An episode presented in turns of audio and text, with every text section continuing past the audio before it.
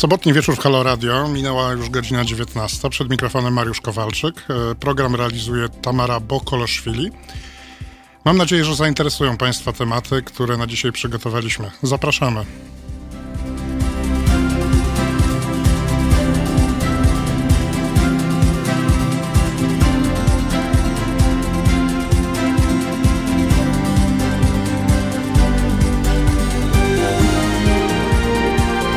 Halo Radio. Gdy powstawał internet, jego zalety były reklamowane m.in. tym, że to takie medium, w którym wszystko jest za darmo. Niektórym wydawało się, że ziściło się marzenie Marksa, Engelsa i Lenina i cały świat doszedł już do, komuni- do komunizmu, w którym za nic nie trzeba płacić. Wkrótce jednak nawet najbardziej twardogłowi wyznawcy doktryny zaczęli zauważać pojawiające się błędy i wypaczenia. Internetowy nowy wspaniały świat zaczął przejawiać cechy autorytarne, a nawet doktrynerskie. Powstały globalne koncerny, niemal monopole, które zaczęły rekwirować, infor e, rekwirować informacje o nas, nawet te najbardziej intymne. Jednak bez internetu nie potrafimy już żyć, pracować i odpoczywać, więc godzimy się nie tylko na totalną inwigilację, która umożliwia manipulowanie nawet naszymi myślami, ale też dobrowolnie rezygnujemy z naszych przyzwyczajeń, wartości, stylu życia. I o tym porozmawiam dziś z naszymi gośćmi, którymi są w studiu Sylwia Czubkowska, szefowa serwisu Spiders Web Plus. A na łonie przyrody z nami przez internet właśnie będzie się łączył prezes firmy Sotrender, analizującej komunikację w mediach społecznościowych, Jan Zając. Jan, Jan, Janie, czy się słyszymy?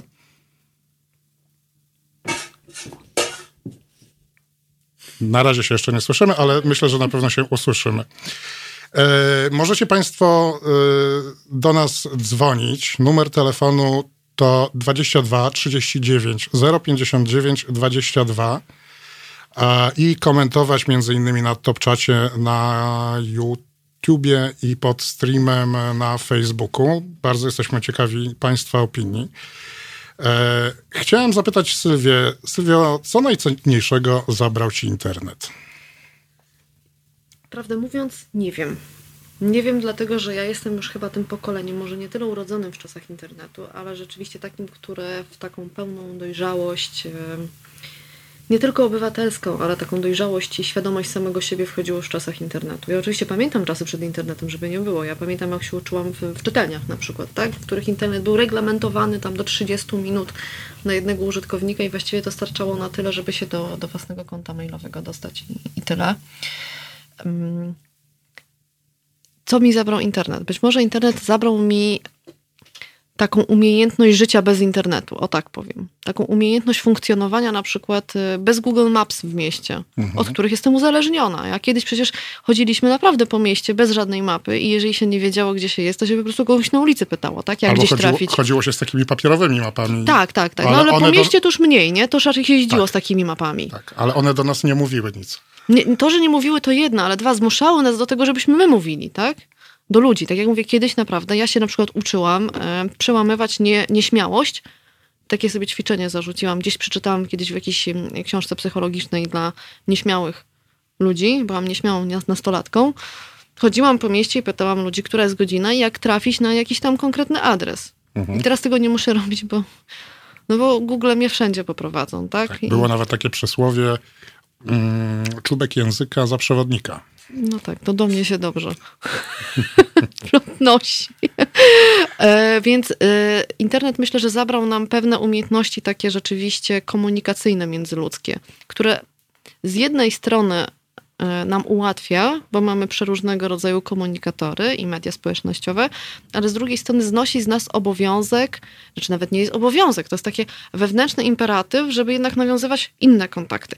Ja mam na przykład teraz rzeczywiście pracując e, w Spiderswebie troszeczkę młodszych kolegów, którzy się czasami dziwią, że ja do nich dzwonię telefonicznie, telefonem mhm. i jest ale jak tak telefonem dzwonisz? Mhm. To taka ingerencja duża. Trochę tak. Mhm. Nie ale jak to? Nie, nie ale jak to? napisać, prawda? No dokładnie. A dla mnie to jest jeszcze, jeszcze jest to dla mnie naturalne, bo mówię, być może jestem z tego przełomu takiego mhm. już wychowanych w czasach internetu, ale jeszcze urodzonych przed czasami internetowymi, przed czasami takiego, takiego powszechnego internetu. Więc myślę, że największą umiejętnością, jaką największym takim dobrem, które nam internet odbiera, to rzeczywiście te takie naturalne umiejętności interkomunikacyjne, ludzkie. Cała reszta, mimo tego, że ja jestem taka internetosceptyczna, technosceptyczna, to ja myślę, że mamy ogromne korzyści. Ogromne. Na każdym polu. Oczywiście, jeżeli będziemy chcieli e, z nich korzystać i będziemy w sobie wypracowywać pewne mechanizmy wyłapywania takiego zdrowego środka. Mhm. Tak, na przykład władze niektórych państw mają zupełnie niezłe korzyści z internetu. Niedawno przeczytałem taką informację, że rosyjskie Ministerstwo Spraw Wewnętrznych planuje opracować taką y, aplikację dla cudzoziemców pracujących w Rosji. I ta aplikacja ma nie tylko ich totalnie inwigilować, czyli gdzie chodzą, co robią, gdzie kupują, e, ale też wyliczać im stopień społecznego zaufania do nich, do tych e, e, cudzoziemców. Nie przeraża cię to? Przeraża, oczywiście, że tak. I tutaj się już tak trochę mrzącham, dlatego że to pierwsze, co się kojarzy, to oczywiście słynny, słynny system zaufania społecznego chiński, tak, ten social credit, który na podstawie tego, jak dobrym jesteś obywatelem, czyli płacisz podatki na czas, kasujesz bilet zawsze wtedy, kiedy trzeba, nie wychodzisz na ulicę, żeby się zbuntować przeciwko e, jakimś tam zarządzaniom rządowym, wystawia ci konkretne dodatkowe punkty, dzięki którym właśnie masz ułatwienia w funkcjonowaniu. I jak spojrzy się na to w teorii, no to no to właściwie to dobrze, nie? Dobrzy obywatele są nagradzani za to, że są dobrzy, a źli, którzy łamią normy społeczne, są za to karani. No, tylko pytanie tak naprawdę, co to znaczy być dobrym obywatelem, co znaczy być złym obywatelem, kto, kto zbiera o tym informacje, jak je wykorzystuje i czy zawsze bycie dobrym jest takie obiektywnie bycie dobrym, tak? Kto to ocenia. Więc y, no internet jest trochę jak, jak ten nóż nieszczęsny ciągle przywoływany, tak? Może służyć do krojenia chleba, albo może służyć do tego, żeby kogoś zabić. Albo jak pałka, która ma dwa końce. No tak, tak. tak. E, ale czy, czy nie wydaje się, że trochę zaczynamy żyć dobrowolnie? Ze względu na te korzyści, które internet nam daje, no w takim, wszyscy bierzemy udział w, w show Big Brother. Jedne aplikacje, które instalu, instalujemy, monitorują to, co robią inne aplikacje, e, e, łącznie z treścią naszych maili, e, sprawdzają nasze zdjęcia, rozmowy, każdy nasz krok. E, czy my za dużo nie płacimy, czy za dużo nie, nie zaczynamy płacić za te wszystkie korzyści, które, które, które daje nam ten internet, chociażby to, że, że weźmiemy sobie tą mapę Google Maps, czy, czy jakąkolwiek inną geolokalizacyjną i e, i ona nam powie, e, jak, jak dojść. No to to jest to, o czym na samym początku mówiłeś w, w tej, w te, we wstępie do audycji, tak? Że w początkach internetu wydawało nam się, że będzie takim totalnym demokratyzatorem naszego życia i wreszcie da nam coś za darmo. Internet nic nie daje za darmo. Każda usługa w internecie jest płatna, nawet jeżeli, tak jak na Facebooku, jest obietnica Marka Zuckerberga, że nigdy nie będzie płatny, to my tam płacimy swoim czasem, swoimi danymi, swoim zaangażowaniem. I to jest y, momentalnie monetyzowane na przeróżne sposoby, które często są dla nas zaskakujące, dla nas, tych biednych ostatnich y, ogniw, żuczków, internautów, tak? A może nawet e, więcej płacimy, niż gdybyśmy płacili po prostu pieniędzmi. Fizycznie, znaczy materialnie Materialnie, bo tak. tak to możemy określić, czy 100 zł, prawda, to nas stać na to, żeby zapłacić za jakąś tam usługę, czy nie. Natomiast no tutaj odbiera się nam naszą prywatność, odbiera się e, wszystkie informacje o nas. Mało tego, zbiera je się po to, żeby nami manipulować, chociażby mm, żebyśmy kupili jakiś produkt później albo zagłosowali. Zagłosowali tak, jak się powinno zagłosować. Jak ktoś już zapłacił za to, żebyśmy tak. zagłosowali. E, I moja wątpliwość jest właśnie taka, czy, czy te korzyści, one tak naprawdę to, że ja, że ja sobie wyślę maila, Boże, no mógłbym normalny list wysłać. No mógłbyś, mógłbyś, ale... Mapę papierową też bym sobie wziął, złożył. To wszystko działało. To nie jest tak, że to nie działało, to wszystko działało i to nawet działało całkiem sprawnie. Tylko jeżeli y, raz ludziom da się możliwość, by korzystali z pewnych dobrodziejstw społeczeństwa w sposób szybszy, łatwiejszy, to ciężko to, to odebrać, tak? Tak samo ludzie przecież nie, kiedyś nie jeździli samochodami, jeździli konno i też działało, nie? No działało. I poczta była konna i dowoziła. I nawet może sprawniej niż dzisiejsza poczta, no bo było większe do niej zaufanie. I to nie o to chodzi, żeby nagle się cofać gdzieś w tym rozwoju społeczno-technologicznym i, i mówić, że no, a kiedyś to No tak, a kiedyś to, tak? Ja nie mówię, że kiedyś, kiedyś to było lepiej. Mówię o tym, e, że nawet nie wiemy, e, ile płacimy i czym płacimy. A to nie wiemy, nie wiemy, znaczy inaczej. To, że nie wiemy, to to jest pół, pół, pół biedy. Większym problemem jest to, że większość jeszcze osób nie zdaje sobie sprawy z tego, że płaci i jak bardzo płaci. I, i nie jest problemem moim zdaniem to, że płacimy, bo to jest dla mnie taka umowa społeczna trochę, tak korzystam z pewnych usług, one nie są za darmo, choćby ktoś obiecywał, że są za darmo, nie są za darmo. Tylko jeżeli odbiorca tych usług, konsument, internauta o tym wie i zgadza się na tą umowę społeczną i zgadza się na pewne mm, ponoszone przez siebie koszty i zgadza się na to świadomie i wie, jak dużo oddaje, wróćmy chociażby do Facebooka. Oczywiście, korzysta z naszych danych, przetwarza nasze dane. Dopóki wiemy, do czego przetwarza te nasze dane, jak one są wykorzystywane, i się na to zgadzamy, podpisując regulamin Facebooka, wchodząc, zakładając konto na Facebooku, jest ok, ale w momencie, w którym Facebook zaczyna, tak jak było przy aferze Cambridge Analytica, e, sprzedawać je de facto trzecim podmiotom, tym third parties słynnym, mhm. E, i my nie mamy na to żadnego wpływu i nie wiemy, kto tymi danymi operuje i co z nimi robi, no to ta umowa społeczna już jest w pewnym sensie naruszona, tak? Mhm. E, I, jeszcze mocniej to mam wrażenie, poczuliśmy teraz, w czasie pandemii. W jaki sposób? Bo jeszcze mocniej niż do tej pory zaczęliśmy korzystać z usług internetowych i one są wykorzystywane w sposób bardzo trudny dla nas do oceny. I nikt nas nie informuje do końca tak naprawdę, gdzie są przetwarzane, po co będą przetwarzane. A Kom, umiejętności, komu udostępniane tak, w ogóle. Dane, ale ja mówię dane, ale również nasz czas, tak? To jest też bardzo ważne. My się powinniśmy nauczyć traktować nas samych i nasz czas w internecie jako konkretną wartość, tak? To, że ja spędzam 10 minut na tym portalu, a 20 minut w tej aplikacji, to to jest 20 minut pewnej wartości, tak? Którą komuś oddajemy. Oczywiście, że tak. Mhm. I szanujmy to, bo to mhm. jest, to, to nie wróci, tak? To jest też to, to być może coś, co tracimy tracimy ten czas, który normalnie spędzilibyśmy inaczej. Nie wiem, czy lepiej, czy gorzej, ale inaczej, tak? A teraz nie potrafimy tego do końca opanować. No tak, o tym jeszcze porozmawiamy w następnych wejściach i porozmawiamy też e, z Janem Zającem e, z firmy analitycznej, który właśnie analizuje media społecznościowe e, z firmy Sotrender po piosence, ale teraz właśnie niech zagra Queen, Show Must Go On.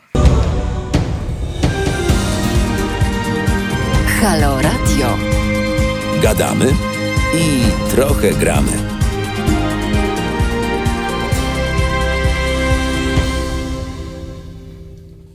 Już jesteśmy z powrotem, godzina 19.18. Przed mikrofonem Mariusz Kowalczyk, w studiu y, Sylwia Czubkowska z magazynu Spiders Web Plus. E, rozmawiamy o tym, co nam zabiera internet i łączymy się w tej chwili e, z Janem Zającem, e, prezesem i założycielem firmy monitorującej media społecznościowe. E, firma się nazywa Sotrender. Dzień dobry, Janie. Dzień dobry. Cześć Sylwia, cześć Mariusz. Cześć. Dzień dobry. Chciałem Ciebie zapytać o taką rzecz. Firma Sotrender analizuje media społecznościowe, a przed chwilą rozmawialiśmy o tym, że my tym, za używanie tych mediów nie płacimy E, pieniędzmi, tak jak zwykle za inne rzeczy, ale płacimy innymi wartościowymi i cennymi e, rzeczami, na przykład naszymi danymi albo możliwościami wigilowania nas. Ale moje pytanie do ciebie jest takie, co wynika z waszych analiz? Jakie treści najbardziej angażują użytkowników mediów społecznościowych? Pewnie to jest różnie w przypadku różnych mediów. Wiesz co, od y, trzech miesięcy to nie jest różnie. Jest taki fenomen, który nigdy nie miał miejsca. Angażuje wszystko, co jest związane z koronawirusem. Aha. We wszelkich odmianach. Chociaż to już, zaczyna się już spadek, bo już wszyscy mają dosyć tych tematów. Natomiast w ciągu y, pierwszego miesiąca w marcu to zdecydowanie zdominowało, co zresztą wynika nie tylko z zainteresowań i chęci odbiorców, ale z tego też, co media różne, również y, radio, rozgłośnie radiowe, y, gazety, portale internetowe za pomocą mediów społecznościowych tym ludziom dają. Bardzo częsty w internecie taki mechanizm sprzężenia zwrotnego, że ludzie zaczynają czymś się interesować, czegoś szukać, na coś reagować przez swoje lajki, komentarze, retweety. W związku z tym e, media workerzy dostarczają więcej takiej treści. Wystarczy spojrzeć, ile w ciągu ostatnich 24 godzin pojawiło się treści związanych z Jerzym Pilchem. Mhm. świętej pamięci. E, też, ponieważ przez chwilę zainteresowało to bardzo wielu osób, to e, redakcje, także na przykład sportowe, turystyczne i inne, nie tylko piszące o literaturze, nagle znalazły bardzo dużo treści właśnie z tym pisarzem związanych. Aha, I czyli... ponownie było z koronawirusem, czyli z jednej strony temat ludzi interesuje, z drugiej strony był on we wszystkich możliwych odmianach e, ogrywany, wrzucany, opisywany, komentowany i tak dalej. Aha, ale mediami społecznościowymi rządzą, y, rządzą algorytmy. Y, I czy mówi się też, że te algorytmy zastąpiły tak naprawdę dziennikarzy i redaktorów, i, i to one bardzo pomagają y, w, tych, w, pro, w promowaniu danych tematów, w tych, jak, jak to się mówi, w trendach czyli tych tematów, które są w danym momencie popularne. E, chciałem Ciebie zapytać, czy dzięki temu, że to już właśnie nie dziennikarze, nie redaktorzy, e, tylko właśnie algorytmy, którym my, odbiorcy mediów, e, oddaliśmy zarządzanie tym, co się do nas kieruje. Czy dzięki temu, na przykład, nie wiem, to właśnie Donald Trump mógłby zostać wybrany na prezydenta Stanów Zjednoczonych, chociaż na to się za bardzo nie, wydawał, nie, nie, nie nadawał, albo y, Wołodymyr Załański został prezydentem Ukrainy, mimo że w życiu się polityką wcześniej nie zajmował. E, e, czy, no moje pytanie dotyczy tego, czy my nie oddajemy e, nie oddajemy samych siebie w ręce jakichś bezdusznych algorytmów, chociaż nie wiem, czy bezdusznych, bo ktoś je jednak programuje. E, co, no to jest takie strasznie tutaj e, moralizujące ujęcie. E, ja wolałbym tutaj mówić bardziej na poziomie faktów. Mhm. To jest system bardzo złożony, którego tak naprawdę do końca nikt nie kontroluje. Mało tego, tych algorytmów nikt do końca nie kontroluje. To jest tak zwana sztuczna inteligencja, czy dokładniej machine learning i deep learning, który odpowiada z jednej strony za organizację treści i to, co nam się będzie wyświetlało, ale z drugiej strony też za to, y, co w ogóle się w jaki sposób przebije. Co więcej, ciągle tam jeszcze pewien udział redaktorów jest, bo y, zwróć uwagę, że raz jeszcze taki redaktor y, Faktu, czy Gazety Wyborczej, czy Super, Super Expressu decyduje, co on wrzuci jako post na Facebooku. Spośród bardzo wielu treści, które ma danego dnia, 10 czy 20 się ukaże jako posty i ma szansę przebić się dalej. Ale on już nie, de często... nie, decyduje o tym, czy ten post yy, przez ile osób zostanie przeczytany. Wiesz co, trochę decyduje mimo wszystko, bo po pierwsze y, czasem ma jakieś niewielkie środki na tak zwane dopalenie, czyli płatną promocję. Po drugie, no to jest taka rzemiosło bardzo istotne i to w zasadzie nawet nie jest redaktor może wybierać, które posty, natomiast ktoś inny, pracownik działu social mediowego, yy, zwykle decyduje właśnie, kiedy to zostanie wrzucone, w jakiej kolejności, kogo przyciągnie. Tak samo ktoś, kto pomaga wypromować określone osoby czy posty, także pisane, pisane przez osoby nieznane, celebryta, dziennikarz, polityk też wpływa na to, co e, się gdzieś ukaże. E, wydaje mi się, że tutaj przede wszystkim e, główne oś niezgody to jest to, czy media społecznościowe należy traktować tak jak media, mhm. tradycyjne, czyli redakcje, które ponoszą odpowiedzialność za publikowane treści, czy raczej jest to platforma technologiczna. Jak sobie przypomnimy e, przesłuchanie Marka Zuckerberga, takie tam ze dwa lata temu po aferze Cambridge Analytica, które pewnie żeśmy wszyscy oglądali, tak. e, gdzie on się bardzo upierał, że oni są platformą, że Facebook jest platformą technologiczną, nie jest medium. Mhm. Co więcej, teraz w ciągu ostatnich paru dni mamy taki case e, pana prezydenta Donalda Trumpa, który został zablokowany przez Twittera mhm. i się na Twittera obraził i Zuckerberg też skomentował, że mimo wszystko e, media społecznościowe nie są od tego, żeby decydować, co jest prawdą, i on nie będzie cenzurował, co się spotkało oczywiście z bardzo różnymi fajnymi, zgryźliwymi dowcipami na jego temat w związku z tym. E, I teraz zwróćmy uwagę, że e, jeśli byśmy przyjęli, że, e, że to jest platforma technologiczna, no to rzeczywiście tutaj Halo, halo? Dla każdego działa tak samo i w związku z tym nie ma wpływu na to, każdy może tam swoje wiadomości takie albo inne promować. No ale do końca jednak tak nie jest, chociażby dlatego, że jednak yy, te platformy technologiczne działają na rynku mediowym. Mhm. Czy Facebook, czy Google, czy Twitter utrzymują się z reklam.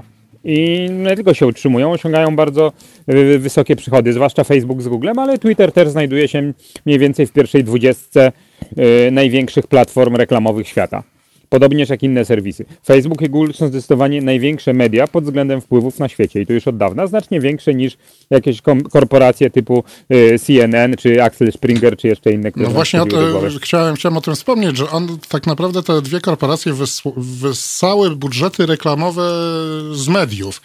E, media zaczęły się osłabiać, mają coraz mniejszą siłę przebicia, przynajmniej wielu dziennikarzy tak uważa, e, mhm. a ludzie czytają to, co im się napisze w mediach społecznościowych, niekoniecznie dziennikarze, ale też mogą na, na coś napisać ludzie, którzy chcą na przykład, żeby Donald Trump był prezydentem. E, tylko to się e, e, różni się zadanie propagandysty, który, który siedzi prawda, i wykorzystuje Facebooka do tego, żeby Donald Trump został prezydentem, a dziennikarza. Zadanie jest inne, chociażby dlatego, że dziennikarz raczej pokazuje niedostatki danego kandydata, jego niekompetencje, no ale nie przebija się przez, e, e, przez ten cały szum, szum informacyjny mediów społecznościowych, chociażby też dlatego, że media słabną finansowo przez to, że wielkie koncerny internetowe zabrały im pieniądze. E, tak, tak samo jak zabrały czas i uwagę odbiorców w bardzo dużym stopniu. W sensie te pieniądze jednak pochodzą również z tego, że ludzie bardzo dużo czasu przed Facebookiem, YouTube'em, niektórzy też przez Twitterem czy przed LinkedInem spędzają. E, w dużym stopniu to jest tak naprawdę problem regulacyjny. Pamiętajmy jeszcze, że Facebook, Twitter, Google to są wszystko korporacje ze Stanów Zjednoczonych, gdzie jest bardzo żywa i długa tradycja wolności słowa mhm. i gdzie zarazem te firmy należą do największych lobbystów wpływających na takie, a nie inne rozwiązania przyjmowane przez rządy. W związku z tym e, nie od dziś się mówi o konieczności podziału, o dokładniejszym regulowaniu i tak naprawdę ten kazus Trumpa, który teraz wyskoczył, został z jednej strony przyblokowany i pewnie wielu z nas powiedziało wtedy, no nareszcie należało mu się, szkoda, że nie wcześniej, ale z drugiej strony można wracać do pytania, a co gdyby przyblokowany został jednak nie Trump, tylko nasz ukochany lewicowy czy prawicowy publicysta, czy wtedy byśmy uważali, że dobrze nareszcie, czy może coś innego. Mhm. E, na pewno jest tak, że e, ponieważ są, czy Google, czy Facebook, czy Microsoft należą do największych firm na świecie w ogóle i mają kolosalne środki, a tak naprawdę obecny kryzys finansowy najprawdopodobniej tylko wzmocni ich pozycję. Jako społeczeństwa moglibyśmy od nich wymagać znacznie więcej, jeśli chodzi o stosowanie rozwiązań, które przynajmniej zapobiegałyby szerzeniu się kłamstw, głupoty, zabobonów, i innego rodzaju treści i na pewno dałoby się to zrobić, na pewno środki by się znalazły. Tylko, że w obecnej sytuacji no, za bardzo nie ma kto na to wpłynąć. W Stanach Zjednoczonych no, z jednej strony nie ma za bardzo takiej tradycji regulacji, z drugiej strony oni bardzo mocno wpływają, starają się zabezpieczyć. Unia Europejska trochę próbuje, jest dość powolna w swoich działaniach, ale jednak jakiś tam wpływ zaczyna mieć. Same platformy troszkę się bronią. Yy, zwróćmy uwagę na tak, jak my tutaj rozmawiamy. No to zawsze pierwszy nam przed oczami staje Facebook i on od trzech lat, od wybuchu, czy tam pierwszych informacji, a potem wybuchu afery Cambridge Analytica jest takim chłopcem do bicia. Ale tak naprawdę z mojej perspektywy i tak Facebook robi trochę więcej niż Google. Jak sobie spojrzymy, co jest na YouTubie i ile czasu trzeba było, żeby YouTube wreszcie zablokował niedawno kanał Jerzego Zięby, który mhm. po prostu publikował informacje popularne, a zarazem szkodliwe dla wielu osób, dla wielu odbiorców, sprzeczne z wiedzą medyczną, mhm. no to można się zastanawiać, dlaczego zawsze ten Facebook staje nam przed oczami, a nie Google, który jest jeszcze większy, jeszcze bogatszy, i moim zdaniem znacznie mniej z tym YouTube'em robi niż. No pewnie dlatego, Facebook, że Facebook najbardziej spektakularnie zaliczył wpadkę właśnie z Cambridge Analytica. Tak, a pamiętaj, że tuż przed y, tym największym wybuchem afery Cambridge Analytica na cenzurowanym znalazł się YouTube, ponieważ tam w związku z wyskokami niektórych znanych YouTuberów część dużych korporacji ogłosiło, że rozważa wycofanie, a któraś, jeśli dobrze pamiętam, Unilever czy Procter Gamble w ogóle wycofał swoje z reklamy z YouTube'a przez pewien czas, yy, motywując to tak zwanym brand safety, czyli tym, że nie chcą, żeby treści związanych z ich markami ukazywały się w negatywnym yy, kontekście, na przykład u znanych żeby ich reklamy były wyświetlane przy filmikach znanych youtuberów, którzy przy okazji zapragnęli podzielić się z odbiorcami tym, że w zasadzie to Hitler miał rację, bo tego rodzaju przemyślenia lubią sobie to ja się e, publikować. Na sekundę włączę, bo to rzeczywiście jest, e, jest ciekawy case. To co, to, co Janek wspomina, to jest historia PewDiePie, jednego z chyba... No właśnie. Chyba największego wciąż e, youtubera, tak. bo ponad 100 milionów subskrypcji zebrał i mimo tego, że największy, najbardziej znany, zna, z największą grupą odbiorców, to rzeczywiście sobie pozwalał na totalnie niepoprawne wyskoki, tak? Związane z propagowaniem faszyzmu i tam były, były rezygnacje jego partnerów finansowych, ale zobaczcie, minęły tam 2-3 lata od tych afer e, i kilka tygodni temu YouTube ogłosił, że PewDiePie jest oficjalnym e, partnerem streamingowym YouTube'a i tylko na YouTubie może publikować. Ale tutaj wracając do tej różnicy między YouTube'em a Facebookiem i dlaczego Facebookowi tak obrywa mocno wizerunkowo, a YouTube'owi, czytaj Google'owi całemu mniej. Bo Google może wskazać w tym wypadku, czy tam YouTube, to ten konkretny YouTuber, tak? To ten konkretny twórca. Z Facebookiem jest o tyle trudniej, że osoby, które doprowadzają do dezinformacji na, na Facebooku, też oczywiście możemy wskazać, ale one są często dużo mniej um, no rozpoznawalne. Tak? I ukryte są często. Albo są to jakieś dziwne grupy y, na tym Facebooku, siatki dezinformacyjne. Ja teraz siedzę mocniej w temacie dezinformacji wokół 5G i wiązania tego 5G z koronawirusem. I naprawdę nazwiska, które się objawiają wokół tego są tak bardzo nierozpoznawalne i tak mało seksowne, że nie zwracamy na to uwagi. Że nie zwracamy i... dokładnie, bo to nie są, no, bo to nawet ale... nie są politycy żadnego tam, nawet nie są politycy piątego rzędu, tak? Mhm. Ale przepraszam, paru celebrytów również w Polsce też tak. skorzystało z okazji, żeby zabłysnąć swoją niewiedzą i ignorancją. Ale to jest co innego, bo to są celebryci, którzy po prostu wyskakują z tematem. To nie są osoby, które wprowadzają dezinformacyjny temat do mhm. medium społecznościowego, a tym samym do, potem do debaty publicznej, tak? Bo to się bardzo ładnie rozlewa. Te osoby, które są no tu są różne tak naprawdę konotacje, bo czasami są to konotacje takie geopolityczne z wiadomym kierunkiem wschodnim, to nie ma co w ogóle ukrywać. E, czasami są to e, raczej gdzieś motywacje biznesowe, stricte, albo jakieś takie psychologiczne potrzeby wybicia się na dziwnym temacie, tak? One są naprawdę, no to Alex Jones tu może już być rozpoznawalny światowo, tak? Ale to jest jeden Alex Jones i też myślę, że znacznie mniej rozpoznawalny w świecie internetu wciąż niż PewDiePie, tak? E, więc tutaj myślę, że jest ta różnica. Facebook daje platformę tym takim facebookowym publicystom, tylko że oni są mało znani po prostu, tak? A YouTube e, stworzył rzeczywiście platformę do pokazywania się z twarzą i do tworzenia no, no YouTubera. No nie mamy Facebookera, nie? Mamy YouTubera. Wciąż. Mhm. I myślę, że dlatego Facebookowi jest się trudniej tutaj bronić, e, bo to jego algorytmy, tak? To cały czas jego algorytmy. Ale słuchajcie, właśnie Facebook e, i nie tylko Facebook, bo też Twitter między innymi wytworzyły coś takiego, co nazywamy bańkami informacyjnymi i zaczęliśmy żyć w bańkach informacyjnych. Ktoś jest YouTube dla nas... Też. YouTube też. YouTube też, ale, ale właśnie no, na YouTubie trzeba tą twarz pokazać.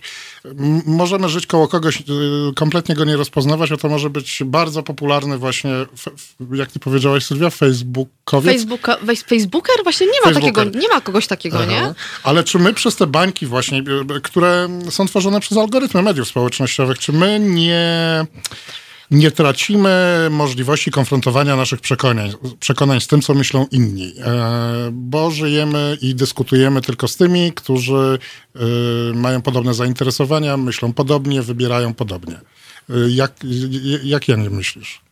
Ale te bańki zawsze były, tylko media społecznościowe, czy szerzej internet bardzo je nasilił, przez to, że nagle tych mediów i nadawców pojawiło się znacznie więcej. W zasadzie każdy może być nadawcą. Ty, ja jako osoba prywatna, Halo Radio jako nowo stworzona organizacja, czy firmy, które zupełnie komercyjnie też się zaczęły nagle bawić w tworzenie treści i publikowanie ich we własnych kanałach.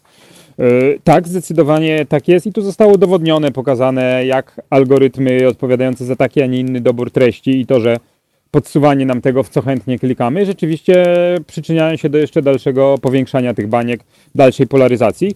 Chociaż troszkę jest to jednak też y, odbicie y, zmian w stylu życia ogólnie. E, zwróćmy uwagę, że w takich kosmopolitycznych społeczeństwach takie tradycyjne jakieś wyróżniki sposobu myślenia, sposobu życia, jak wykształcenie, nawet nie mówiąc już o miejscu zamieszkania, miejsc, to skąd pochodzimy, czy klasie społecznej, troszkę straciły na znaczeniu, a w dużym stopniu można to sobie wybrać i być może znacznie więcej nas łączy z jakimiś wielkomiejskimi Amerykanami na przykład, niż z Polakami mieszkającymi na prowincji.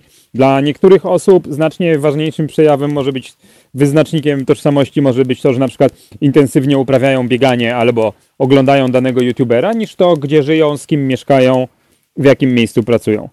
No tak, e... to ja tutaj tylko chciałem zauważyć, że mamy mniejszą możliwość natrafienia na kogoś, kto myśli inaczej niż my, chociażby nawet w tych dyskusjach internetowych.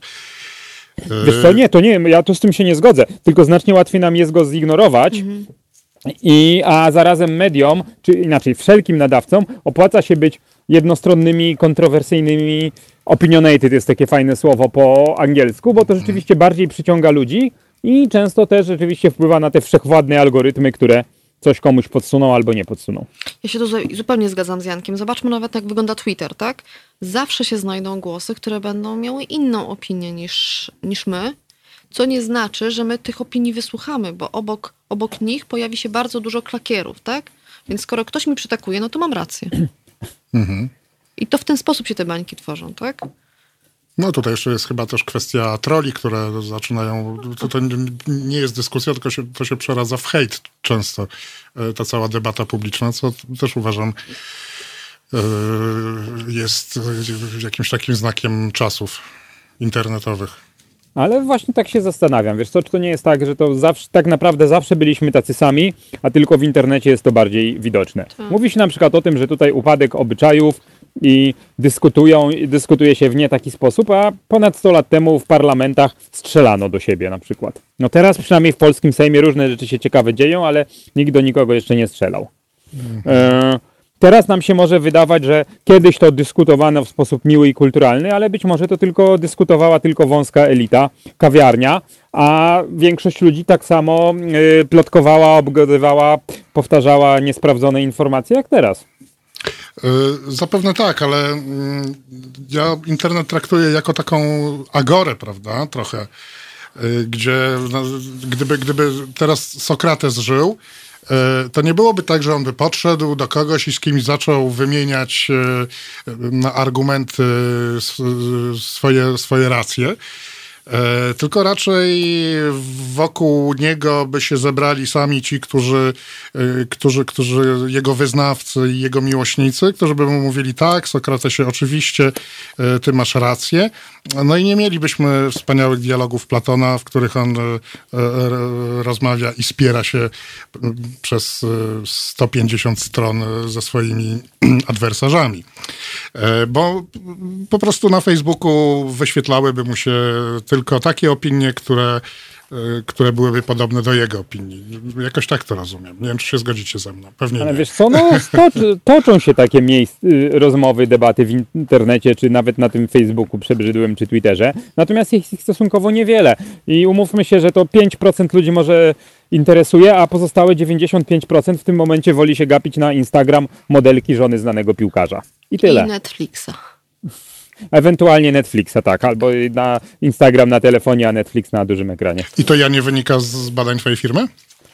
No nie tylko z mojej firmy. Wiesz co, moja firma bardziej y, skupia się już na tym, co się konkretnie dzieje w mediach społecznościowych, natomiast rzeczywiście czasem y, nie zdajemy sobie sprawy, jak różne te tematy, które nam się mogą wydawać z perspektywy powiedzmy, nie wiem, inteligenckiej czy mediowej, głupie, powierzchowne, mało interesujące, jak dużą uwagę zbierają. Chociaż kiedy się dzieje coś naprawdę dużego jak koronawirus, to się rzeczywiście przebija i staje się bardzo popularny. Mhm. Rozumiem. E, bardzo Ci dziękuję za połączenie z nami. Rozumiem, że jesteś na łonie przyrody i jest bardzo miło i fajnie. Tak? Tak. Deszcz pada, trawa pachnie. Bardzo fajnie. To idealna sytuacja. Bardzo gorąco Ciebie pozdrawiamy i bardzo Ci dziękujemy za rozmowę. Ja Was również. Miłego wieczoru. Cześć. Wzajemnie, cześć. Na razie. Do widzenia Państwu.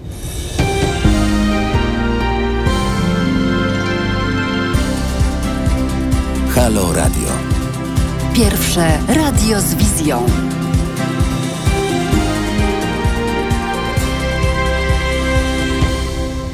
Godzina 19.44. Jesteśmy w Halo Radio. Przed mikrofonem Mariusz Kowalczyk. Moim gościem jest Sylwia Czubkowska. E, rozmawiamy o tym, e, co zabiera nam internet w zamian e, tych wszystkich wspaniałych rzeczy, które nam daje. I wydaje mi się, że tutaj trochę rozmawialiśmy na ten temat, ale, ale może jeszcze pociągniemy ten temat. Internet zabiera nam po prostu cholernie dużo czasu. Zabiera. Zabiera. I wiem, że ty się tym interesowałaś i badałaś, ile tobie zabiera. Ja, Za dużo. Jakie były twoje rekordy?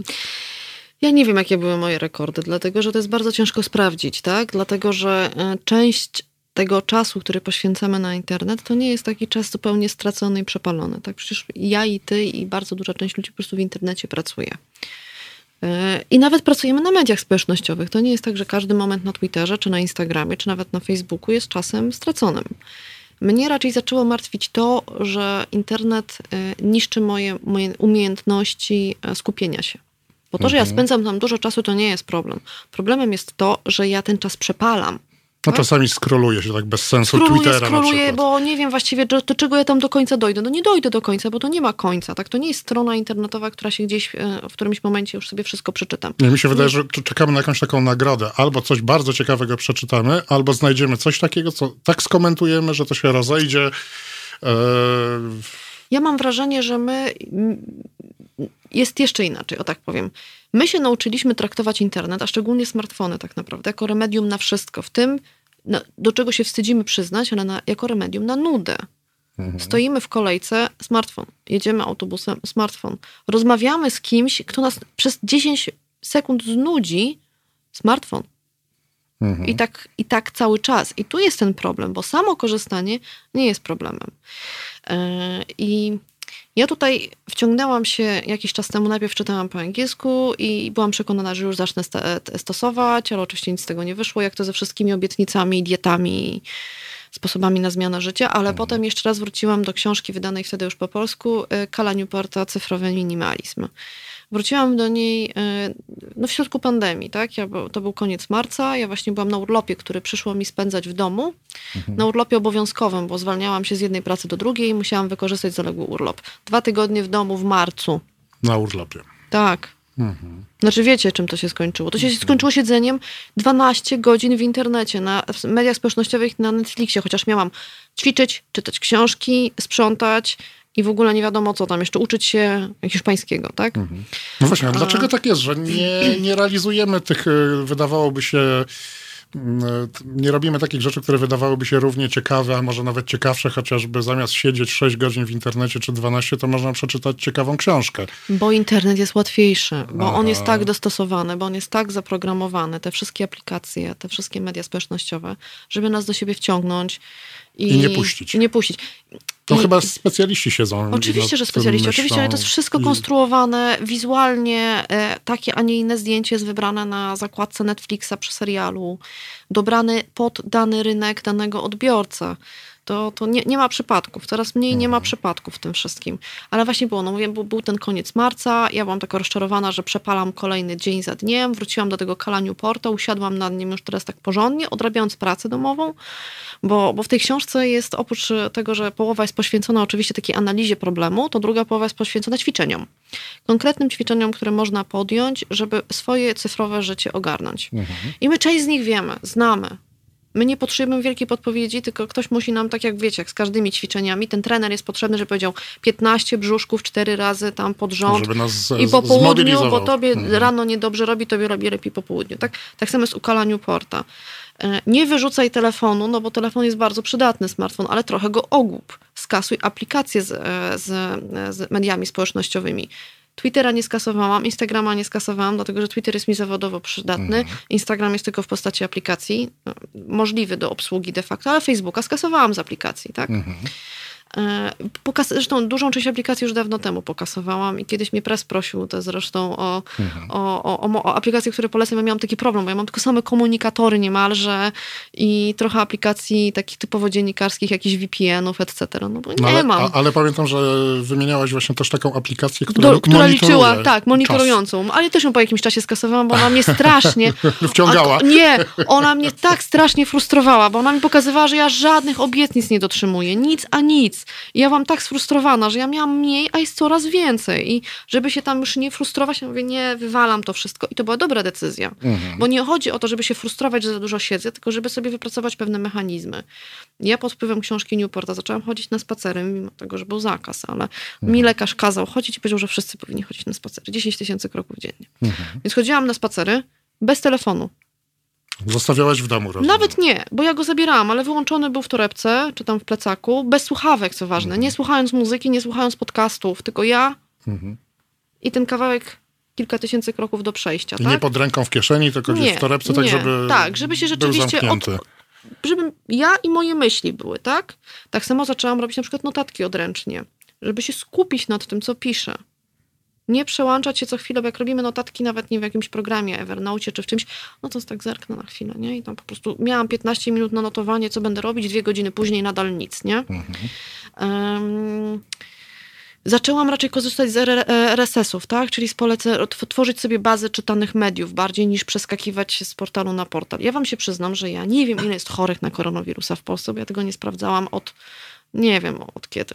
Nie wiem, po prostu ja tego nie sprawdzam. Mi to jest do niczego niepotrzebne. Ja nie wiem, ile osób zmarło. I prawdę mówiąc. Dzisiaj żadna chyba. Czy, czy to by moje życie zmieniło, gdybym ja codziennie sprawdzała? Oprócz tego, żebym się denerwowała w jakiś sposób, tak? Mhm. Nie sprawdzam, nie wiem, nie potrzebuję tej wiedzy. Potrzebuję Czyli wiedzy. Nie, wszystko, nie wszystko musimy Nie wiedzieć. wszystko, nie wszystko. Ja w ogóle odradzam ludziom, żeby się próbowali wszystkiego dowiedzieć. Ważne, żeby się dowiadywać ważnych rzeczy, tak? I wybierać na przykład jakościowe media do czytania w efekcie, tak? Mhm. Wprowadziłam sobie limity Korzystam z Twittera. Bardzo lubię Twittera. Trzy razy dziennie po 30 minut. I hmm. koniec. Nie zdążyłam w ciągu tych 30 minut odpisać na te wszystkie błyskotliwe i nie tych wszystkich ripost, co miałam z tyłu głowy. Trudno. Widocznie nie muszę. Nie, skomentowa nie, nie, nie, nie skomentowałaś czegoś i tak. nie masz takiego wtedy wrażenia. Jak...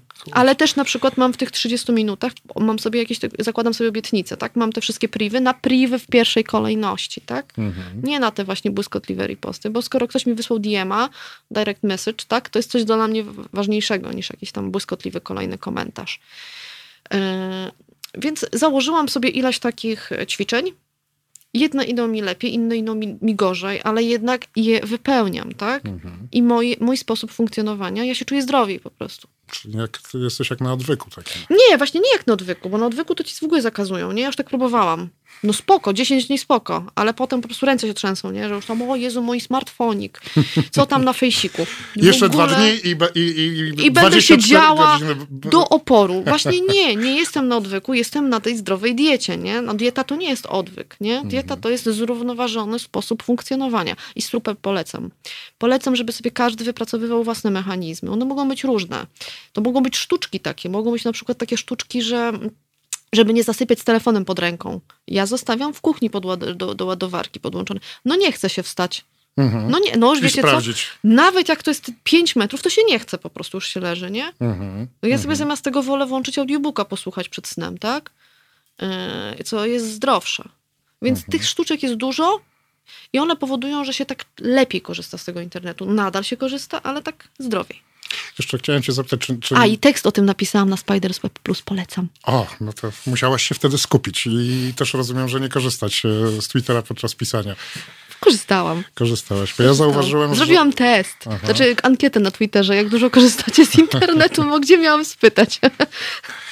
Ja zauważyłem, że jak ja piszę teksty, im więcej korzystam z internetu, z Twittera czy z Facebooka, to potem mi się trudniej te teksty pisze, bo ja hmm. też bym chciał napisać ten tekst tak jak posta w 10 minut e, i zawrzeć w nim wszystko, co w tym tekście mam e, do, do napisania. Tekst jest, ma mieć na przykład 20 tysięcy znaków i nie da się go napisać tak jak, e, tak jak posta na Facebooka, co zaczyna mnie trochę denerwować i no ale to jest ten właśnie problem z umiejętnością skupiania się, że my jak mamy krótkie zadanie, takie typowo internetowe, to je wykonamy. Jak mamy przed sobą dłuższe, wymagające więcej wysiłku, nas to zaczyna rozpraszać, my się męczymy, książki się nam gorzej czyta. Nie czytać się gorzej książek niż kiedyś? Zależy, które, wiesz? No, ale kiedyś tak było, że całą noc można było zarwać, nie? A teraz już jest tak dwie godziny i już tak ciężko. Czyli tyle co na Facebooka, to na książkę, tak? Tyle no. czasu. Więc y, ja mówię, no naprawdę technologie są super. Mhm jeżeli je w jakiś sposób taki y, y, opanujemy, tak? No, no, nikt nas tego nie uczył. My naprawdę jesteśmy pierwszymi pokoleniami, które się żyją z tymi technologiami. Mhm. Tu nie ma żadnych zasad. My, my musimy to na własnej skórze przeeksperymentować. A czy nie odnosisz też wrażenia takiego, że trochę nasze kontakty z ludźmi, przez to, że kontaktujemy się głównie przez internet, przez messengery, przez y, inne komunikatory, E, że one się stają takie trochę bardziej powierzchowne, e, że nie spotykamy się tak często z ludźmi, jakbyśmy może chcieli się spotykać, bo jednak co innego jest z kimś pójść, nie wiem, na piwo czy na wino, niż przez Messengera, prawda? Ja myślę, że po pandemii to będziemy sobie odbijać trochę jednak, bo, bo myślę, że pandemia i ten czas lockdownu dał nam dużo do odczucia, jak bardzo są ważne te kontakty, mimo, mimo komunikatorów, mimo Zoomu, hangoutów i całej reszty, tak? Jak ja się cieszyłam na pierwsze zaproszenie w tym tygodniu, no nie do was, ale do innego radia, ale że pierwszy mhm. raz idę do radia po dwóch miesiącach, face to face. Mhm. Ale dzisiaj się też strasznie cieszyłam, bo ja po prostu, to jest no my jesteśmy istotami społecznymi, tak? My potrzebujemy tego kontaktu, więc oczywiście media nam społecznościowe trochę spłucają to, ale ja myślę, że wciąż, wciąż nam nie zastępują. I, I, spójrzmy na to najmłodsze pokolenie, na te zetki, nie? urodzone po połowie lat 90. I oni są rzeczywiście wychowani w świecie mediów społecznościowych i wychowani w świecie smartfonów. Oni wciąż się spotykają ze sobą i chcą ze sobą funkcjonować i doceniają ten kontakt osobisty. To nie jest tak, że my już w Matrixie takim żyjemy. Nie. Rozumiem, czyli ja dzisiaj podczas audycji wyszedłem na tego takiego starego dziada, który się po prostu czepia tego internetu. Nie, ja się bardzo czepiam. Ja uważam, że trzeba się czepiać. Trzeba się czepiać, trzeba być marudzącym, trzeba narzekać na internet i trzeba być sceptycznym, ale też trzeba doceniać. Trochę adwokatem diabła tutaj byłem. E, na koniec e, w dwóch słowach, Sylwia, czy więcej tracimy, czy więcej zyskujemy? Więcej zyskujemy. Więc mimo wszystko. Mimo tak? wszystko więcej zyskujemy, naprawdę. Ja bym nie, nie chciała się cofać do świata zupełnie bez, bez technologii, bez internetu. Tylko, że y, my wiemy, co my tracimy, bo my pamiętamy tamte czasy, ale nie wiemy jeszcze, co zyskujemy. I tak naprawdę powinniśmy martwić się o to, czy to, co będziemy zyskiwać, jest warte tej utraty. Tak? I tutaj sobie bardzo e, wyliczać z, ko, ko, znaczy tą rachunek zysków i strat. To ja może jeszcze tylko dodam, że tak naprawdę nie wiemy, ile płacimy. No nie wiemy. Do, do końca jeszcze nie wiemy. Wciąż co, nie wiemy. Wciąż nie wiemy i to ta wiedza pewnie przed nami, aby ona nie była mm, jakaś taka bardzo przerażająca. Sylwio, bardzo Ci dziękuję za to, że do nas przyszłaś i że się jeszcze cieszyłaś, że możesz wyjść z domu e, i pomimo tego, że, że no wciąż mamy tą pandemię, jednak się spotkać z nami. E, bardzo dziękujemy. E, teraz posłuchamy Kobranocki, piosenki Nikomu nie wolno się z tego śmiać, a potem zmieniamy temat i porozmawiamy, jak to się robi na wschodzie. I tym razem porozmawiamy sobie o wyborach.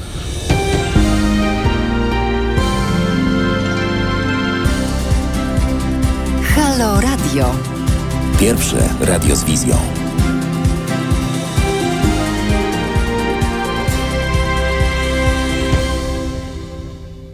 Minęła godzina 20. Przed mikrofonem Mariusz Kowalczyk. Rozpoczynamy drugą godzinę naszego dzisiejszego spotkania, podczas, którego, podczas której porozmawiamy o wyborach na wschodzie. Yy, wybrałem ten temat dlatego, bo ostatnio w Polsce politycy nie mogą ustalić, na jakich zasadach mają się odbyć wybory prezydenckie, a nawet kiedy powinniśmy je sobie zorganizować. E, gdy zapowiadano je na 10 maja, że odbędą się w formie korespondencyjnej, pojawiły się wezwania do bojkotu takich wyborów. Argumentowano, że wybory w czasie pandemii, bez poprzedzającej je kampanii przedwyborczej, kiedy kandydaci mieliby szansę zaprezentować siebie i swoje programy, no to nie będą żadne wybory, bo nie ma, nie ma mowy o uczciwości w takich wyborach. Mówiono, że udział y, y, w nich to nic innego jak legitymizowanie oszustwa wyborczego. W Rosji, na Białorusi i na Ukrainie działy się już takie cuda z wyborami, że tam tego typu kwestie zostały dawno przedyskutowane. Ale jak wyglądają wybory na wschodzie? Porozmawiamy, porozmawiam dzisiaj z dziennikarzami zajmującymi się tematyką wschodnią. Michałem Potockim z Dziennika Gazety Prawnej, który jest w studio i też jest współautorem e, książki, która niedawno się ukazała, Czarne Złoto. Dzień dobry, Michale. Dzień dobry i Michałem Kacewiczem e, z Bielsatu, który łączy się z nami przez internet. Dzień dobry, Michale, cześć. Dzień dobry, cześć. E, proponuję zacząć od, od, od Rosji, no bo jak nie, od czego można zaczynać? Od największego kraju, który tam rządzi. E, prezydent Władimir Putin podpisał niedawno ustawę zmieniającą zasady wyborów. W wyborach nie będą mogły startować osoby skazane za, jak to zapisano, uporczywe łamanie przepisów o zgromadzeniach, rozpowszechnianie fake newsów yy, i za niektóre ek, yy, kategorie ekstremizmu, a także za re, rehabilitację nazizmu. Tak to ujęto. Aby zostać za to skazanym, wystarczy wziąć udział w proteście, na który władze nie wyraziły zgody, opublikować post w mediach społecznościowych, który zostanie uznany przez władze za fake news lub ekstremizm. Zaostrzono też przepisy dotyczące weryfikacji zebranych podpisów, e, umożliwiających start w wyborach. Chciałem e, Was zapytać, e, po co Kreml, Waszym zdaniem, przykręca taką śrubę wyborczą? Przecież może po prostu te wybory sobie sfałszować, gdyby się okazały, że wyniki są niezbyt atrakcyjne dla rosyjskich władz. Może najpierw Michał Potocki. No dlatego, że każda tego typu władza mm, autorytarna ma tendencję do tego, żeby, y, żeby, żeby zwiększać zasięg kontroli nad najważniejszym procesem, którym jest proces wyborczy, czyli taki najbardziej ryzykowny z punktu widzenia władz autorytarnych moment, kiedy, kiedy, kiedy do, różnych, y, do różnych niepokojów społecznych może dojść. Y, I te przepisy są w oczywisty sposób skonstruowane tak, żeby móc uderzyć w razie czego w opozycję, czyli po prostu nie dopuścić do wyborów tych kandydatów, którzy z punktu widzenia Kremla mogą być szczególnie ryzykowni y, bo takich najłatwiej skazać za bardzo szeroko często interpretowany ekstremizm, za, za propagowanie nazizmu, pod, co podczepia się często na przykład włącznie z, z no, stwierdzenie faktów takich jak, nie wiem, że 17 września Związek Radziecki przystąpił do wojny po stronie Niemiec, e, bo były takie wyroki, w związku z czym no, tego typu ludzi dosyć łatwo będzie e, będzie, będzie po prostu z wyborów zdjąć. To jest taki jeden, e, jedna z możliwości wpływu na wybory, które w Rosji zdarza się bardzo często i na Białorusi też. Na Białorusi zresztą prawdopodobnie będziemy zaraz obserwować również niedopuszczenie do wyborów. Zresztą obserwowaliśmy już na wcześniejszych etapach niektórych kandydatów. Natomiast y, to nie jest tak, że że z punktu widzenia Kremla wybory można sobie tak po prostu sfałszować, dlatego że to już jest ten ostatni moment, dzień głosowania, dzień wyborczy. To już jest też moment szczególnie ryzykowny, kiedy rozpatrujemy cały proces wyborczy. I to nie jest tak, że wybory w Rosji są fałszowane w sposób równomierny dla całego kraju. To znaczy tam manipulacje i oszustwa wyborcze odbywają się w całym kraju, ale, na róż, ale w różnym, że tak powiem, stężeniu. Mhm. E, najbardziej, e, najbardziej bezczelnie jest to robione przede wszystkim w republikach etnicznych Kaukazu Północnego, mhm. gdzie tak naprawdę głosów się nie liczy, wpisywane są do protokołów w lokalach wyborczych oczekiwane wyniki, e, takie na pierwszy rzut oka absurdalne. To bardzo łatwo jest ustalić. No tak, to w Czeczeniu kiedyś się Władimir Putin 109 procent no, chyba miał. W Czeczeni, w Dagestanie, mm -hmm. w mhm. Inguszetii, w Kabardo-Bałkarii, w różnych innych republikach na Uralu, na Dalekim Wschodzie, ale też w niektórych obwodach, powiedzmy, roz, tak zwanych rosyjskich, etnicznych, etnicznie rosyjskich. Natomiast tego typu fałszerstwa dosyć łatwo się wykazuje, analizując dane statystyczne. E, są ludzie, którzy się w tym specjalizują, to nie jest nic trudnego i można to robić, zwłaszcza kiedy ma się dane dotyczące, e, dane wyborcze z każdego lokalu wyborczego, bo wtedy nie da się sfałszować wyborów bez pozostawienia śladu w statystyce. To jest proces po prostu zbyt skomplikowany i zbyt daleko idący, mhm. żeby móc e, zmodelować wyniki wyborów, które byłyby wiarygodne z punktu widzenia statystyka, który patrzy na, e, na wyniki. Aha, czyli rozumiem, że dla, na, na, na wszelki wypadek po prostu niewygodnych e, niewygodnych kandydatów się nie dopuszcza do wyborów. Tak, i tak też było, nie wiem, z Aleksiejem Nawalnym na przykład, który też dostał wyrok, w związku z czym został wyeliminowany w wyborach lokalnych, które w zeszłym roku były, mhm. były w Rosji w ten sposób. Bo są też obwody, w których w dniu wyborczym głosy się, w przeciwieństwie do Czeczeni czy Dagestanu, rzeczywiście liczy. Mhm. I tam te fałszerstwa, one też są, ale według specjalistów, którzy się przyglądają e, krok po kroku, one nie sięgają więcej niż na przykład 5%, czyli z tego tytułu władzom zależy na tym, żeby mieć kontrolę nad całym etapem i temu też służy właśnie zaostrzenie, czy wzrost, e, e, zwiększenie liczby możliwości e, odstrzeliwania kandydatów opozycyjnych na dowolnym etapie procesu wyborczego. Mhm. Tutaj mam pytanie do Michała Kacewicza. Michale, czy uważasz, że protesty, które wybuchły przed lokalnymi wyborami w Moskwie w lecie 2019 roku, mogły mieć jakiś wpływ na to, że teraz Kreml e, przykręca tą wy, wyborczą śrubę i zresztą te wybory, może dodajmy, one wybuchły dlatego, bo e, nie chciano, władze nie chciały dopuścić opozycyjnych kandydatów do startu w tych wyborach. Jak uważasz, czy, czy to, te wydarzenia z lata ubiegłego roku, one mogły mieć jakiś wpływ?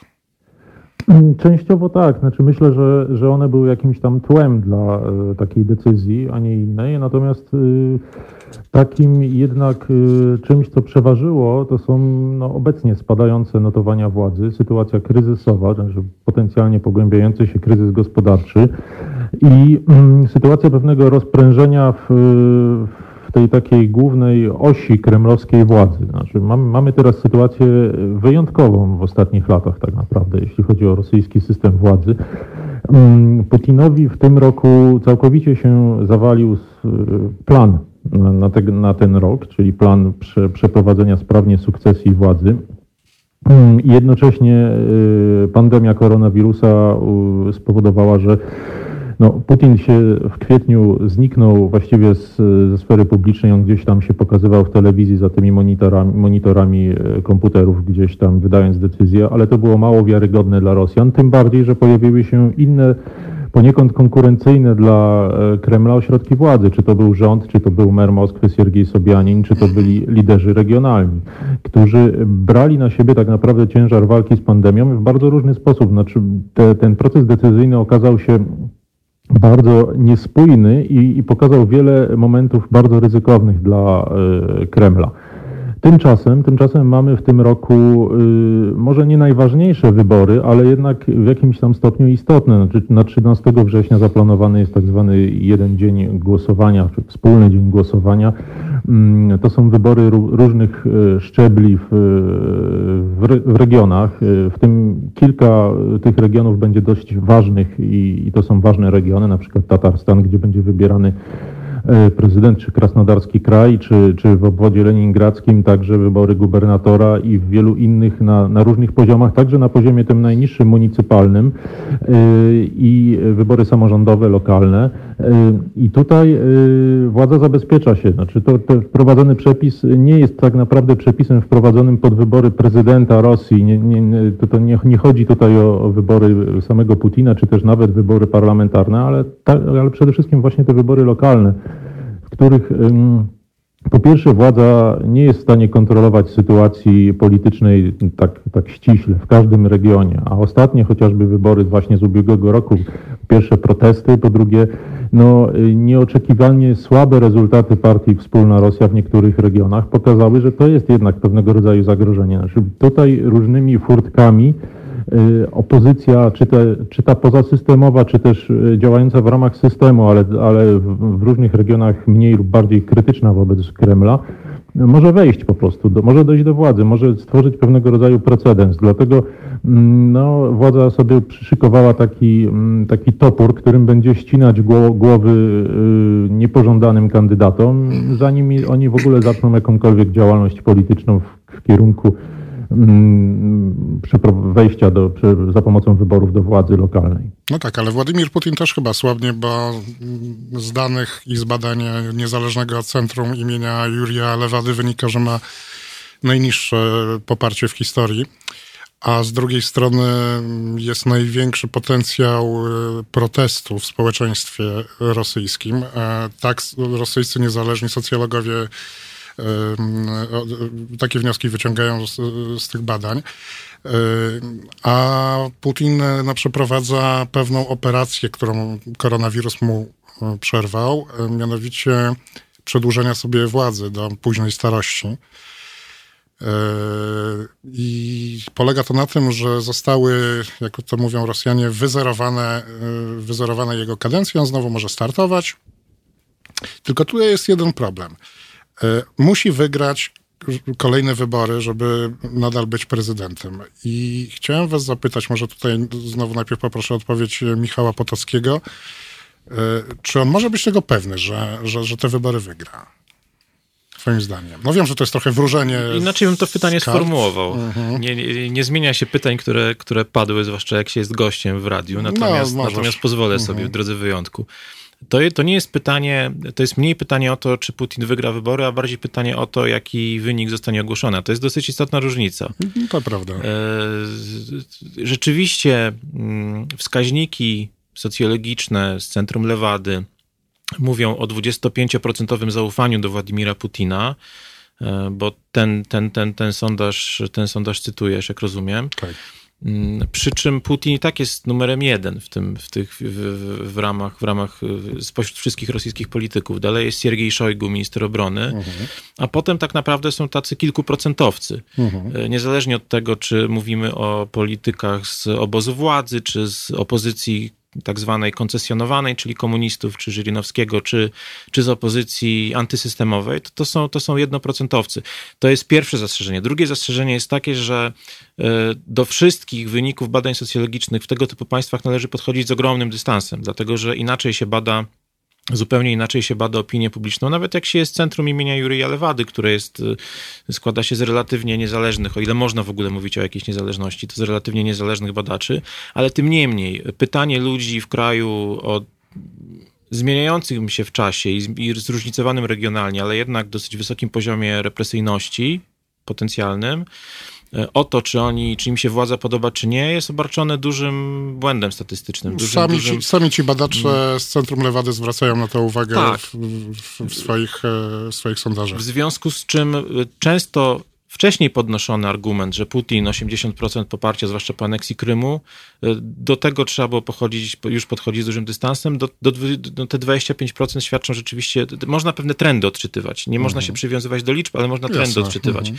Trend rzeczywiście jest taki, że y, ten hurra patriotyzm, który wybuchł y, po aneksji Krymu, on już wygasł, czyli czynnik krymnasz już nie istnieje, można go odrzucić. Przy czym ten czynnik wygasł już gdzieś tak w okolicach 2018 roku, jak się patrzy na sondaże. E, dlatego, że już wtedy zaczęły być, Rosja zaczęła mieć, zaczęła wpadać w poważne problemy ekonomiczne, podniesiono wiek emerytalny, co prawda do poziomów takich normalno-światowych, natomiast, natomiast e, dla Rosjan, z punktu widzenia Rosjan było to duże rzeczywiście wydarzenie i negatywne, bardzo źle odebrane, wtedy zaczęły się protesty.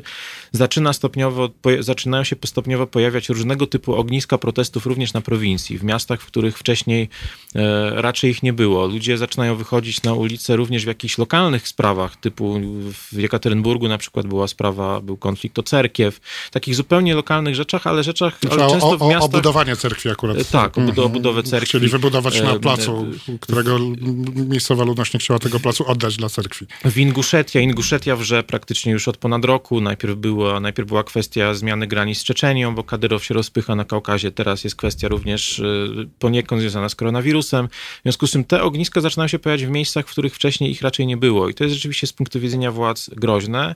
Natomiast ja nie mam wątpliwości, znaczy inaczej, nie mam złudzeń, że w momencie, w którym, że gdyby teraz odbyły się wybory prezydenckie, to Władimir Putin y, zostałby ogłoszony zwycięzcą, niezależnie od tego, jakie byłyby wyniki wyborów, bo dlatego, że dlatego że e, w zależności od skali problemu, to po prostu tym więcej niezależnych kandydatów by się wyeliminowało na etapie wstępnym, czyli nie dopuściłoby się do wyborów tych, którzy, którzy rzeczywiście mogliby Putinowi zagrozić i tym bardziej wzmocniłoby się kontrolę nad wynikami wyborczymi w tych regionach, gdzie łatwiej jest wybory fałszować. Mhm. Czy Michał Kacewicz też uważa, że Putin forever?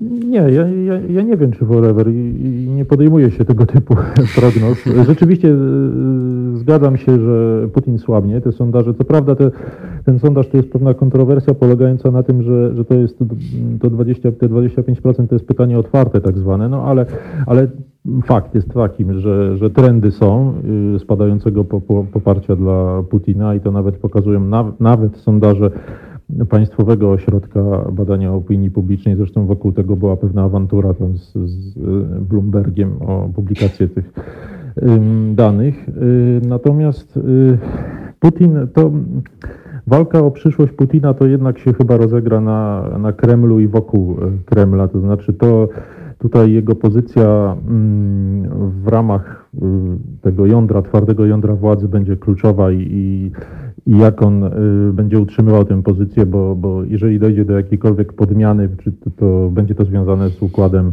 władzy we, wewnątrz tej y, władzy kremlowskiej. No, poza tym w takich wyborach klasycznych, jak do tej, do tej pory były w Rosji organizowane, no to e, tutaj Kreml ma wszelkie instrumenty kontroli właśnie tego procesu wyborczego już na etapie wstępnym, już na głębokim etapie wstępnym, plus propaganda, plus aparat siłowy, plus wszelkie inne możliwości kontrolowania sytuacji, więc tutaj akurat bym się nie spodziewał, pomijając sytuację rewolucyjną, która oczywiście jest na razie, na razie również ją można e, odłożyć gdzieś na bok.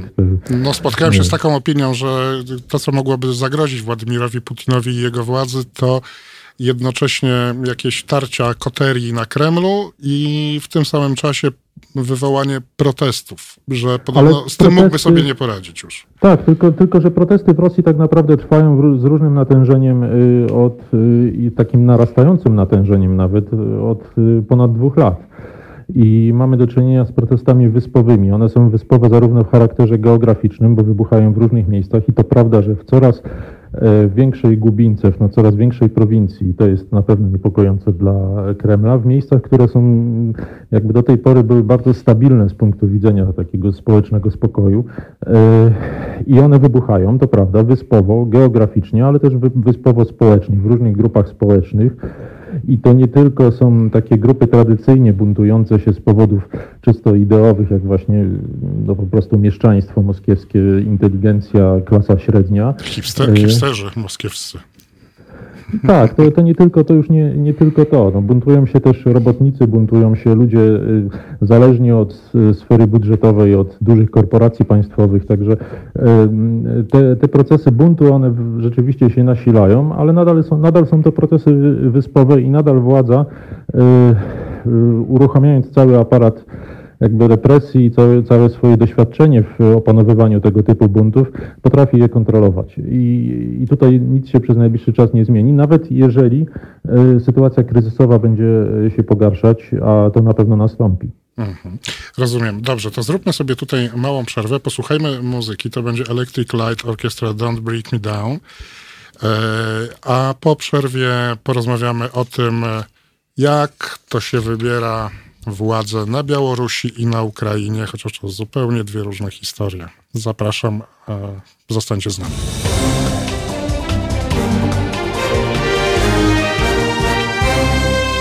Halo Radio. Godzina 20.32. E, w dalszym ciągu rozmawiamy z Michałem e, Kacewiczem i z Michałem Potockim o tym, jak to się organizuje wybory na wschodzie. E, Białoruś to chyba bardzo bliski temat jednemu i drugiemu Michałowi. E, z tego co czytałem, opozycja zrezygnowała ze, ze wspólnego kandydata, tak? Czy, czy mam rację? Z wystawienia w ogóle wspólnego kandydata. Chyba jakiś bojkot próbują, a z drugiej strony pojawiają się zupełnie nowi kandydaci, nawet nie związani e, z taką opozycją, którą zwykliśmy, zwykliśmy uważać za tą taką najtwardszą opozycję na Białorusi to trochę inaczej. Opozycja nie tyle zrezygnowała z wystawienia wspólnego kandydata, co się zwyczajnie nie dogadała w sprawie wystawienia wspólnego kandydata.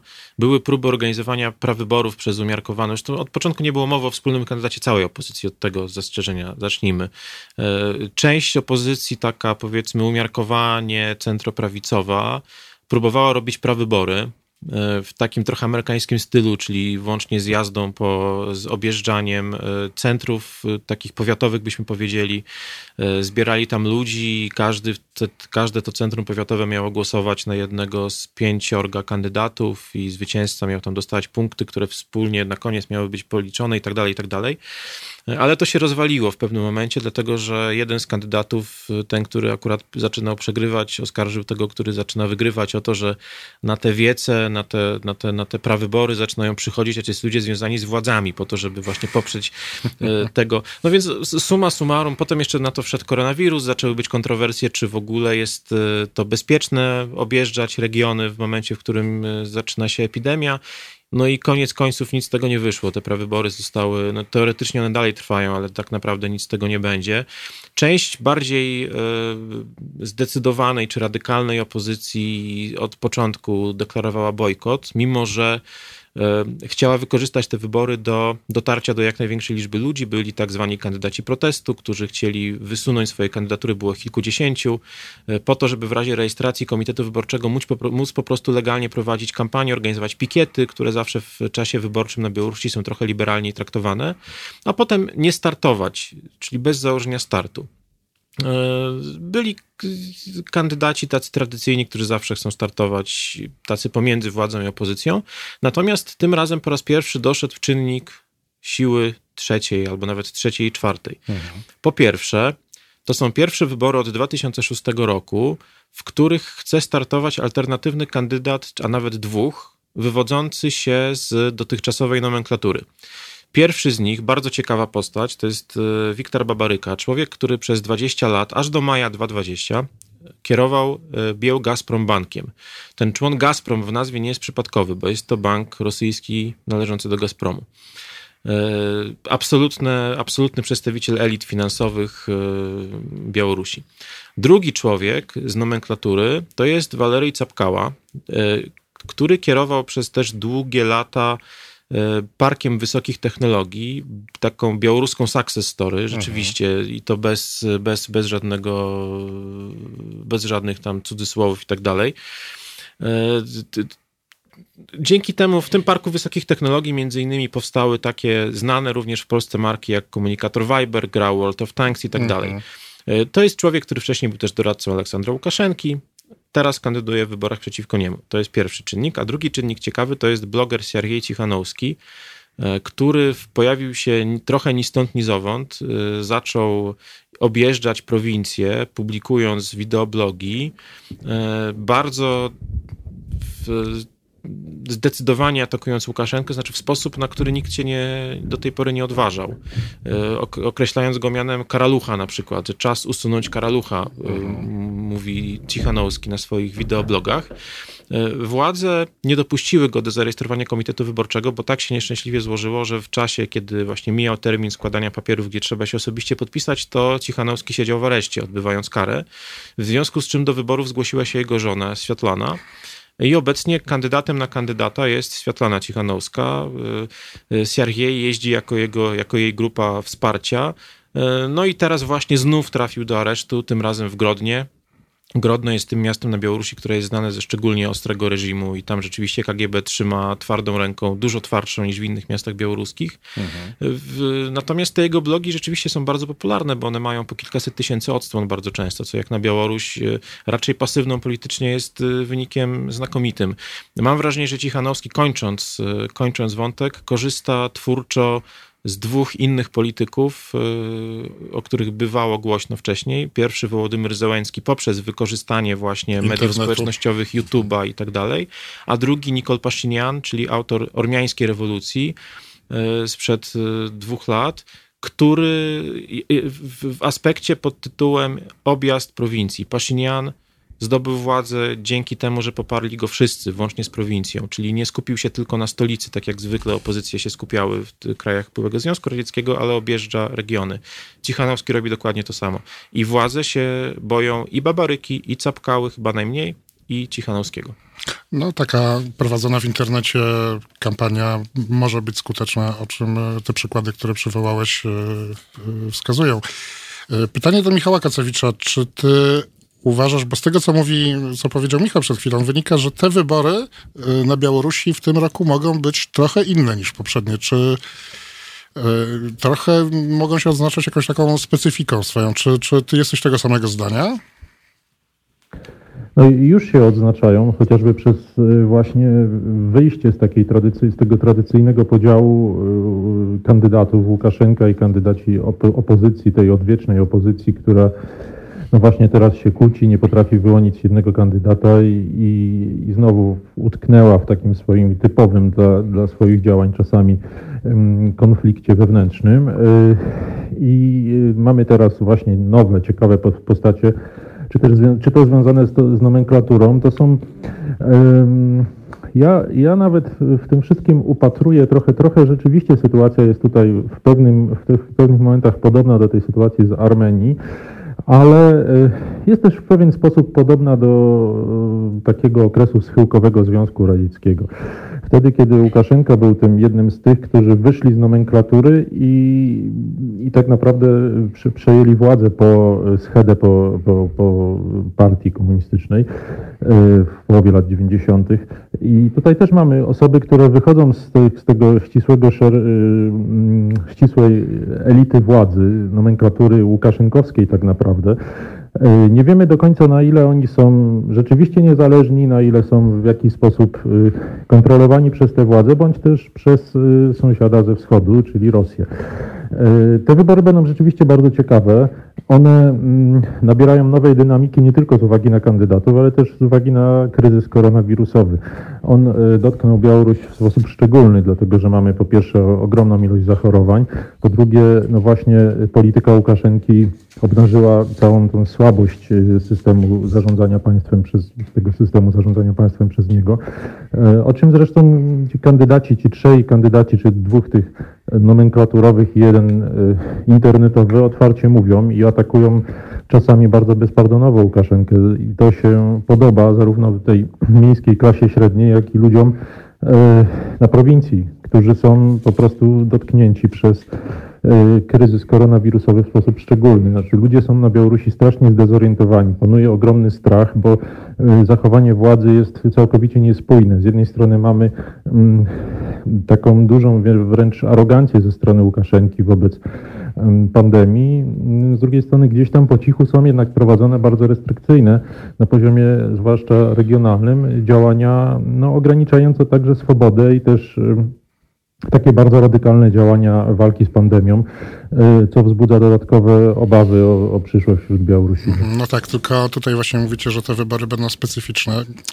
Jakoś tak subiektywnie mm, odczuwam i przypominam sobie, że mm, było już kilka specyficznych wyborów e, na Białorusi, chociażby 2006 rok to się nazywało Jeansowa rewolucja. Kończyło się zwykle tym samym, potem w 2010 roku zresztą też się tym samym skończyło, czyli ostrym pałowaniem, e, biciem kandydatów, biciem protestujących, areszta, aresztami.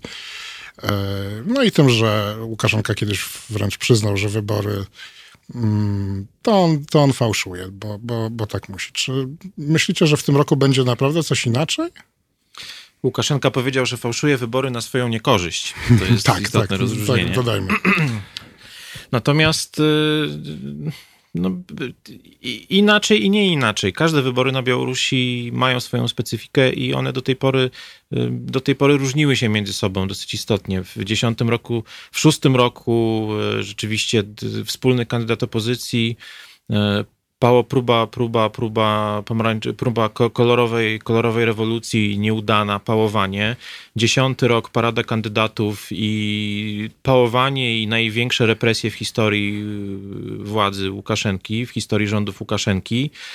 15 rok, e, bojkot praktycznie całej opozycji i takie, takie, takie wybory, w których no w zasadzie nawet Łukaszenka nie przesadnie udawał, że tam są jacyś opozycjoniści. Była Tacjana Karatkiewicz, co prawda, no ale co do jej opozycyjności różne głosy i opinie się pojawiają. Mhm. Więc te wybory też będą miały swoją specyfikę. Czy one się skończą? No, są sygnały, które wskazują, że władze są zaniepokojone.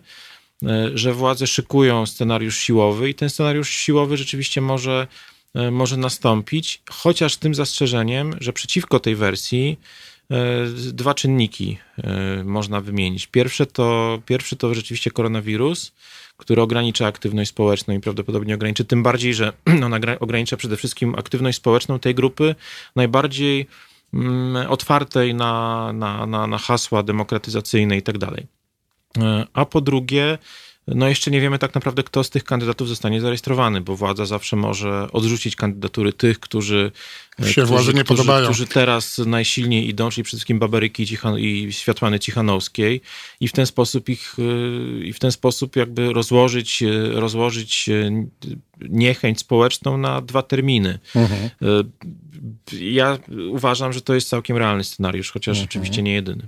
Rozumiem. E, ten czas jest okropny i tak, tak e, ciekawie się rozmawia, ale musimy kończyć, więc jeszcze została nam Ukraina i tutaj poproszę o, o krótkie odpowiedzi może zaczniemy od tym razem od Michała Kacewicza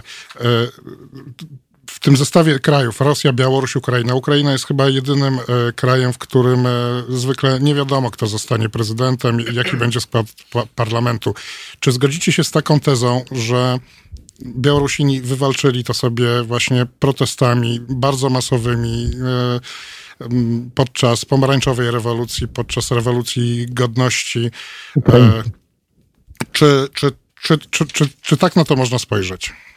Michał Kacewicz. No oczywiście, że można tak na to spojrzeć i teraz też mamy taką sytuację. Jesienią nawet nie wiadomo, czy będą, czy nie będą wybory samorządowe na Ukrainie. Prawdopodobnie będą z ostatnich deklaracji z wewnątrz sługi narodu takie płyną sygnały. E, ale też znowu nie wiadomo, czy ta partia w ogóle jest w stanie wygrać wybory samorządowe, chociaż jest to też sytuacja dość nietypowa w krajach, powiedzmy, na, na wschodzie, kiedy nie ma czegoś takiego jak jedna partia władzy. I także na Ukrainie nie mamy, nie mamy takiej sytuacji, że mamy partię władzy. To jest wielkie osiągnięcie, mimo całej niedoskonałości ukraińskiej demokracji i, i różnego rodzaju problemów, które ją trapią, takich czasami nawet bardzo widowiskowych, a, ale jednak jest to kraj, który najlepiej sobie radzi, na, jeśli chodzi o w ogóle sam proces przygotowania do wyborów, selekcji kandydatów, mhm. którzy są selekcjonowani nie z urzędu, tylko w sposób całkowicie demokratyczny, a potem właśnie niespodziewanych wyników tych wyborów. Taką sytuację mieliśmy chociażby e, w zeszłym roku z wyborami prezydenckimi. Tak. E, musimy, musimy tutaj przerwać, muszę ci przerwać.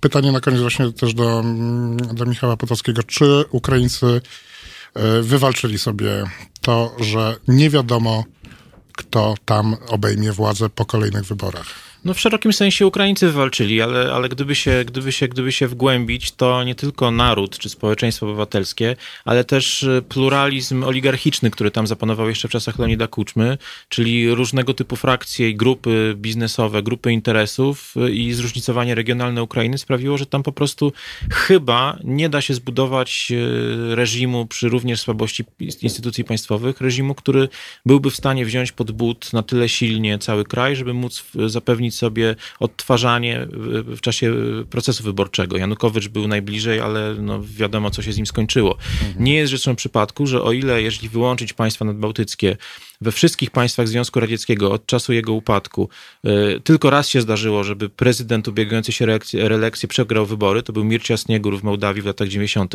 O tyle na Ukrainie tylko raz się zdarzyło, żeby prezydent ubiegający się o reelekcję wybory wygrał. To był Leonid Kuczma w 2000 roku. E, Krawczuk, Juszczenko i Poroszenko próby reelekcji. To jest świadectwo, że Ukraina jest państwem rzeczywiście o najbardziej żywym życiu politycznym, demokratycznym i chyba z najmniejszymi obawami patrzymy też na demokrację, na Ukrainie y, w przyszłości.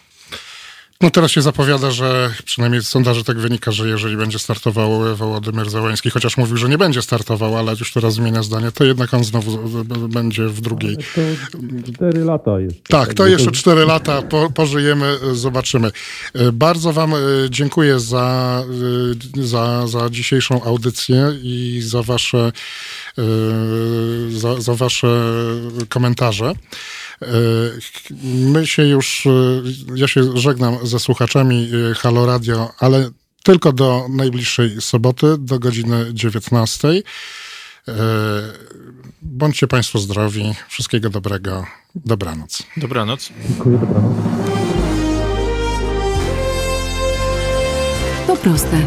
Żeby robić medium prawdziwie obywatelskie, potrzebujemy Państwa stałego wsparcia finansowego. Szczegóły na naszej stronie www.halo.radio, w mobilnej aplikacji na Androida i iOS-a oraz na koncie Fundacji Obywatelskiej w serwisie www.patronite.pl. Naszym darczyniom i darczyńcom serdecznie dziękujemy. www.halo.radio. Słuchaj na żywo, a potem z podcastów.